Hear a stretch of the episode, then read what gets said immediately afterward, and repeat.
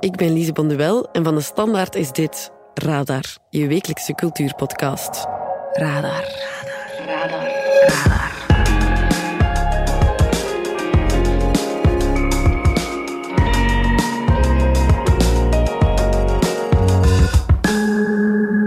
Misschien heb je er ook wel last van. Dat je zo stilaan gewoon zin hebt om op reis te vertrekken. Onbezonnen, zonder retourticket, dat je de dagen op kantoor of van achter je schoolboeken aftelt. Snap je wat ik bedoel? En terwijl ik daarover aan het mijmeren was, belde ineens schrijver Christophe Vekeman mij. Hey Lise, uh, Christophe Vekeman hier. Hij had net een stuk geschreven over een boek van schrijver Jack Kerouac, Satori in Parijs. De eerste Nederlandse vertaling van dat boek, maar het is niet echt een, een, het grote meesterwerk van Kerouac natuurlijk, dus ik zou hem misschien op een andere manier eer willen betuigen en het uh, liever ook wat meer hebben over uh, zijn grote werk On the Road. On the Road. With the coming of Dean Moriarty began the part of my life you could call my life on the road. Misschien wel de bijbel van het vrije, losbandige reisleven. Does not feel responsibility towards others. Het rock en roll leven dat zich niet bepaalt tussen de muren van bijvoorbeeld een kantoor afspeelt. Ik weet niet of je dat zou zien zitten. Ik vind het in elk geval een fantastisch idee. Laat maar weten. Doei. I was a young writer trying to take off. Bon, zijn we weg? Welkom bij Radar. Radar. Radar. Radar. Radar. Christophe Wekeman, het is je eerste radar. Welkom. On the Road is een boek dat bijna iedereen kent, misschien ook al gelezen heeft. Een beetje de bijbel van het vrije, losbandige reisleven eigenlijk. Waarom we het vandaag over Kerouac hebben, is naar aanleiding van een ander boek, Santori in Parijs. Het is nog maar net vertaald naar het Nederlands. Jij hebt het gelezen en drie sterren gegeven. Ja, uh, drie sterren een beetje uit welwillendheid ten aanzien van Jack Kerouac als literaire grootheid, als fenomeen en ook als heel goede schrijver. Maar laat ons eerlijk zijn, Satori in Parijs is een later boek van hem. Het is uh, verschenen uh, vier jaar voordat hij stierf, op amper 47-jarige leeftijd. Dus echt wel een heel groot verschil hè? met... Met, uh... met On the Road. Dus On the Road is van 57, dus dat is acht jaar dat daartussen zit. Dat is ja. niet zo geweldig veel in een doorsnee mensenleven, maar wel in een leven zoals Kerouac dat leidde. Dat wil zeggen, een leven dat geweldig veel beslag legde op de lever, want aan ziekte aan, aan de lever is hij ja. ook echt gestorven. Hij heeft Kort zich, en krachtig. Hij heeft zich heel radicaal uh, recht toe recht aan doodgedronken.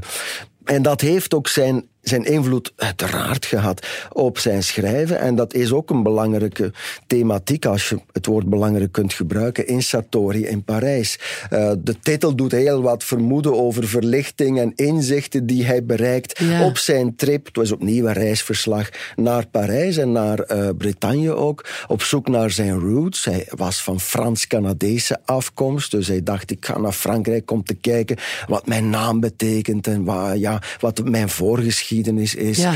Maar wat hij daar deed was drinken. En daarvan brengt hij ook verslag uit in dat boekje op een ja, eerder dronkenmansachtige manier. Het is wat dronkenmansgebral het lijkt soms op gebral, maar het doet tegelijkertijd, uh, we mogen niet te streng zijn, het doet dezelfde tijd ook denken aan zijn beste uh, werk, aan On the Road. Het is nog altijd een vorm van wat hij zelf noemde spontaan proza. Er klinkt nog muziek door die tekst, er zijn flitsen van genialiteit, maar je moet ze toch inderdaad een beetje gaan selecteren. Je moet, er, je moet on the road gaan, echt op zoek naar die goede momenten in het boek. Maar goed, ja, Kerouac het, het, hij beschrijft zijn vervallen voor iemand die geïnteresseerd is in Kerouac of iemand die geïnteresseerd is in hoe iemands neergang er kan uitzien, is het natuurlijk wel een document. Ja, want het is ook autobiografisch dus. Dat was voor hem een wet. Dus de Beat Generation, waartoe hij behoorde, en het is ook een woord dat hij heeft uitgevonden. Hè, dus drie grote schrijvers van de Beat-generatie: Allen Ginsberg, William S. Burroughs en Jack Kerouac. Dat waren vrije vogels, die kenden geen wetten, die zetten zich af tegen de conventies, die zetten zich af tegen het conformisme en al wat je wil. Maar tezelfde tijd hadden zij ook wel een aantal ijzeren regels. Uh, met name Kerouac vond dat je ten eerste, als je, je ging schrijven, moest je daar of wilde, had je daar beter weinig voorbereiding uh, rond gedaan. Uh, eerste versie, beste versie. Dus veel redigeren. Dat was een soort van ja, literair deontologische wet, dat deed je toch niet. En een van die andere regels was ook, alles wat je schrijft, ja moet echt gebeurd zijn. Mm, die gasten speelden ook geen toneel. Dat is ook wel belangrijk om aan te stippen. Mm. Die kwamen zelf in de gevangenis terecht. Gingen zelf om met autodieven, junkies, dealers, eh, moordenaars zelfs op een bepaald moment en dergelijke meer. William S. Burroughs schoot op een bepaald moment onder invloed van heroïne tijdens een Wilhelm Tell-achtig tafereeltje in Mexico zijn vrouw door het voorhoofd die dingen gebeurden. En, en, ja, en je had het al over de beetgeneratie. Misschien voor mensen die niet weten wat dat juist inhoudt. Wat waren daar nog de regels van? Of hoe uitte zich dat? Ja, het, het, je kan zeggen dat de beatgeneratie de voorloper was. En zo is het vaak ook beschouwd. Van de beatnik-generatie. En dan met name in de jaren zestig van de hippie-generatie. En dat waren schrijvers, eh, met name dus ook Jack Kerouac, die sterk gingen focussen in hun werk op bijvoorbeeld experimenten met drugs, uh, met uh, vrije seks, met seksualiteit in het algemeen. Dus Jack Kerouac was wel een onverbeterlijke womanizer, maar had toch ook homoseksuele experimenten. Dus uh, het, het, het was voor Kerouac en de beats uh, heel belangrijk om spontaan te schrijven, om als het ware te schrijven alsof je een jazzmuzikant was. Het zit een beetje tussen jazz en Joyce in. Dus Joyce, de schrijver van The Stream of Consciousness, blijven schrijven en dan kom je ergens in vaarwateren die buitengewoon diep en interessant zijn. Ja. When I write narrative novels and I want to change my narrative thought, I keep going ik heb mij ook laten vertellen dat hij repen papier aan elkaar plakte om dan zo onafgebroken te kunnen schrijven. Ja, gaan, doorgaan en nog eens doorgaan. Niet uh, onderbroken door het vervelende moment waarop je het ene blad uit je typemachine moet trekken om vervolgens het andere erin te rollen. Nee, nee. Uh, hij plakte dus die papieren aan elkaar ten einde een tekst te creëren die zelfs niet door alinea's of door de de geringste wetregel of wat dan ook zou uh, worden belemmerd of zou worden bezoedeld. En dat had te maken natuurlijk met het idee van die... Ja, de surrealisten noemden dat écrituur automatiek. Hè. Je gaat maar door en hoe sneller je schrijft en hoe langer je schrijft, gevoed door koffie, benzidrine, speed en dergelijke meer, dag en nacht, hoe langer je daarmee aan de slag bent, hoe meer er uit je onbewuste, uit de verborgen diepte van mm, jezelf aan de oppervlakte zal komen. De surrealisten, heb ik het idee, die hadden veel meer die écrituur automatiek uh, in de hoop dat er allerlei beelden, visuele tafereelen op die manier in het proza of in de literatuur terecht zouden komen. Bij Kerouac, uh, denk ik, had het meer te maken met tempo, met muziek, met, uh, ja, je kan het eigenlijk zo uitdrukken, met on the beat willen blijven, met een ritme willen uh, handhaven. Dat dus inderdaad alsmaar doordendert en, en dondert als een soort van onstopbare trein. Well, a lot of people have asked me why did I write that book or any book. Klinkt een beetje zweverig. All the stories I wrote were true because I believed in what I saw. Maar tezelfde tijd zorgde dat inderdaad wel voor een jazzy, muzikale sfeer. Eh, ja. Uh, voor een soort van welluidendheid van dat proza en die poëzie. The great image of God with forefinger pointed straight at me. Through halos and rolls and gold folds that were like the existence of a gleaming spear in his right hand, which saith, Come on, boy, go thou across the ground. Go moan for man. Go moan. Go groan. Go groan alone. Go roll your bones alone. Go thou and be little beneath my sight. Ja, hij is er echt een performer Echt ook, een hè. performer. Hij ziet er ook goed uit, laat Ja. ons wel wezen. Hij is een handsome guy. Echt een althans in die filmster tijd bijna. nog. Ja. En het is- het is toch redelijk eh, uniek hoor. Er zijn heel veel schrijvers die geïnspireerd worden door muzikanten en muziek, zoals Kerouac zelf ook. Maar Kerouac heeft toch zelf ook heel veel muzikanten op zijn beurt geïnspireerd. I am a man of constant sorrow. I've seen trouble all my days. Bob Dylan die zei op een bepaald moment in 59 las ik On the Road and it changed my life just like it changed everybody else's life. Ja. De invloed van Kerouac heel rechtstreeks op die muziek van Dylan. Er is een boek van Kerouac dat heet Desolation Angels. Er is een nummer van Dylan dat heet Desolation Row. Desolation Road. Er is een boek van eh Kerouac dat heet Visions of Gerard over zijn eh, dode broertje. Er is een, eh, een nummer van eh, Dylan dat heet Visions of Johanna.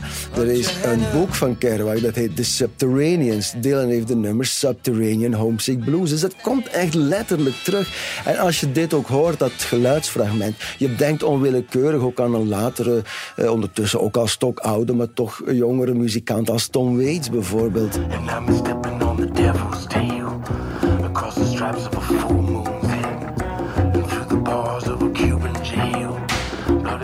Ja, ook. Ja. En het heeft nog altijd iets heel cools. Hè? De getormenteerde schrijver misschien wel met een sigaar en dan een rookwolk boven het hoofd. eh, terwijl ze aan het schrijven zijn en het leven aan het bezingen, bijna. Ja, ja, dat, dat, eh, ja, wel goed, ja.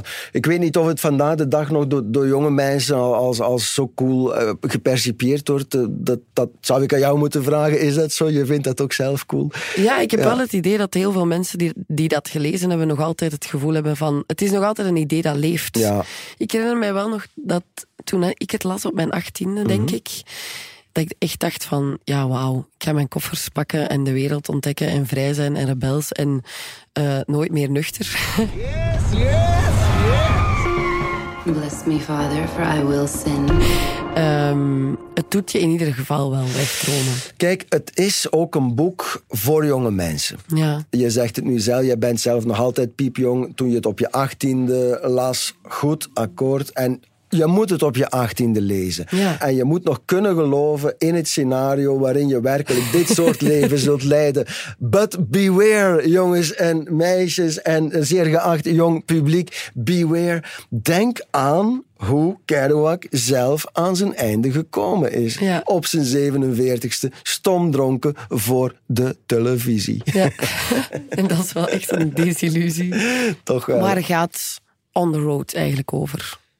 Maar je kan het heel eenvoudig samenvatten. Het is het verslag van een aantal reizen in Amerika, van westkust naar oostkust en weer terug. En ook in Mexico, die de ik-figuur Cell Paradise, lees Jack Kerouac, maakt samen met Dean Moriarty. I first met Dean not long after my father died.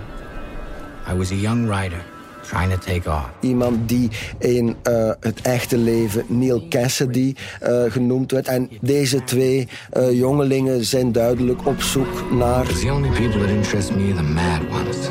een vrijer leven, zou je kunnen zeggen. Na iets wat zij hopen te vinden, maar wat wellicht zelf hen niet heel wel omlijnd, wel bepaald voor de geest stond. Maar in elk geval, ze zijn op zoek naar een uitweg uit het burgerlijke bestaan I don't know what's wrong with me. dat zij om zich heen ontwaren. Do all these dumb things. En ja, als lezer word je geconfronteerd met de vraag van... is dit avontuur dat zij beleven, is Ja. dat eigenlijk wel echt de moeite waard? Dat was een vraag die ik mijzelf heb gesteld. We zeggen nu natuurlijk, hij ziet eruit als een filmster. eh, maar het was ook een complex figuur. Hè. Hij dronk zich te pletter. En het was ook een man van veel tegenstellingen.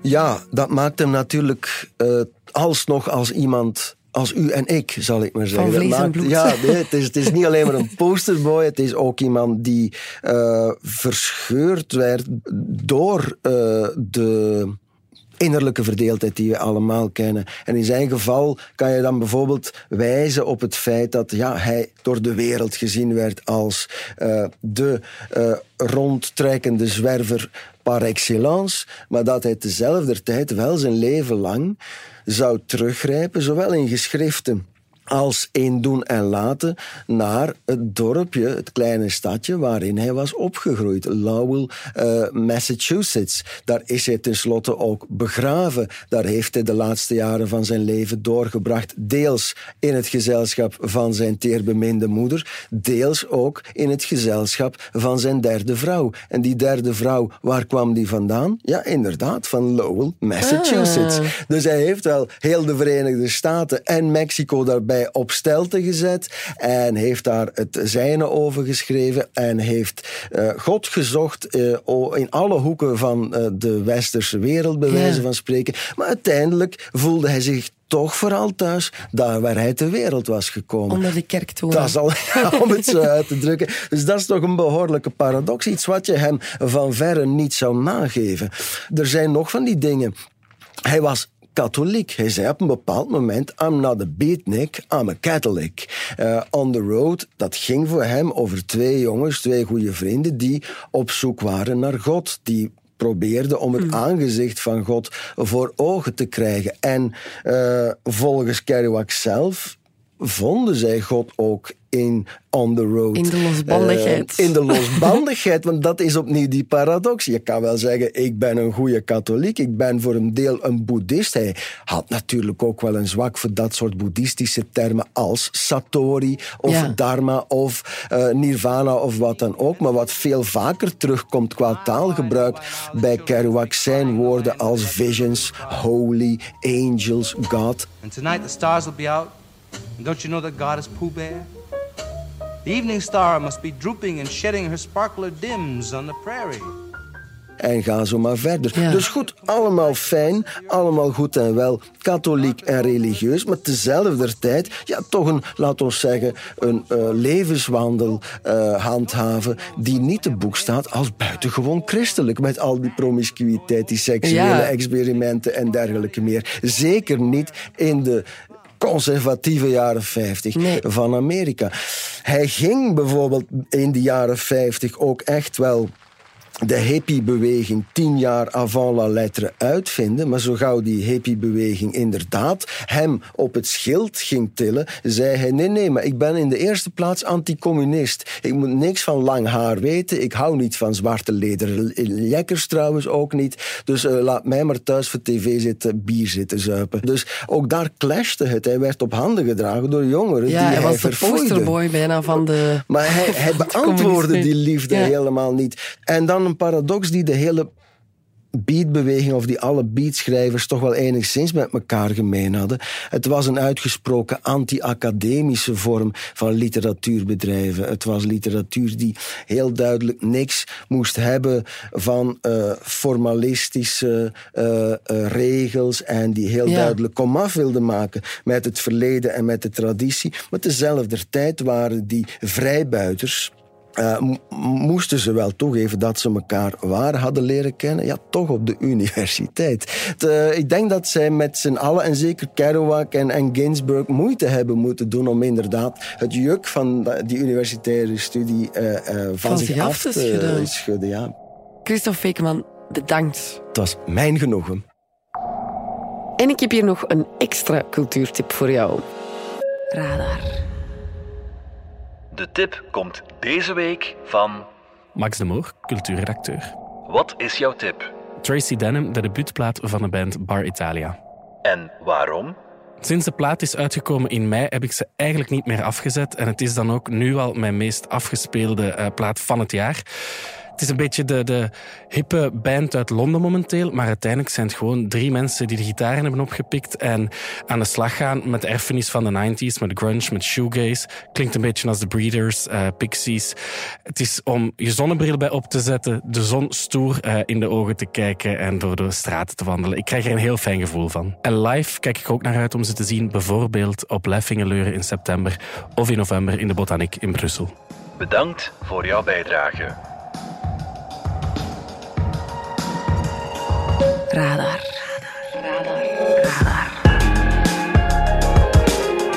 Voilà, ik hoop dat je ervan genoten hebt. Dit was Radar, de wekelijkse cultuurpodcast van de Standaard. Alle credits vind je op standaard.be-podcast. Merci om te luisteren en uh, tot volgende week.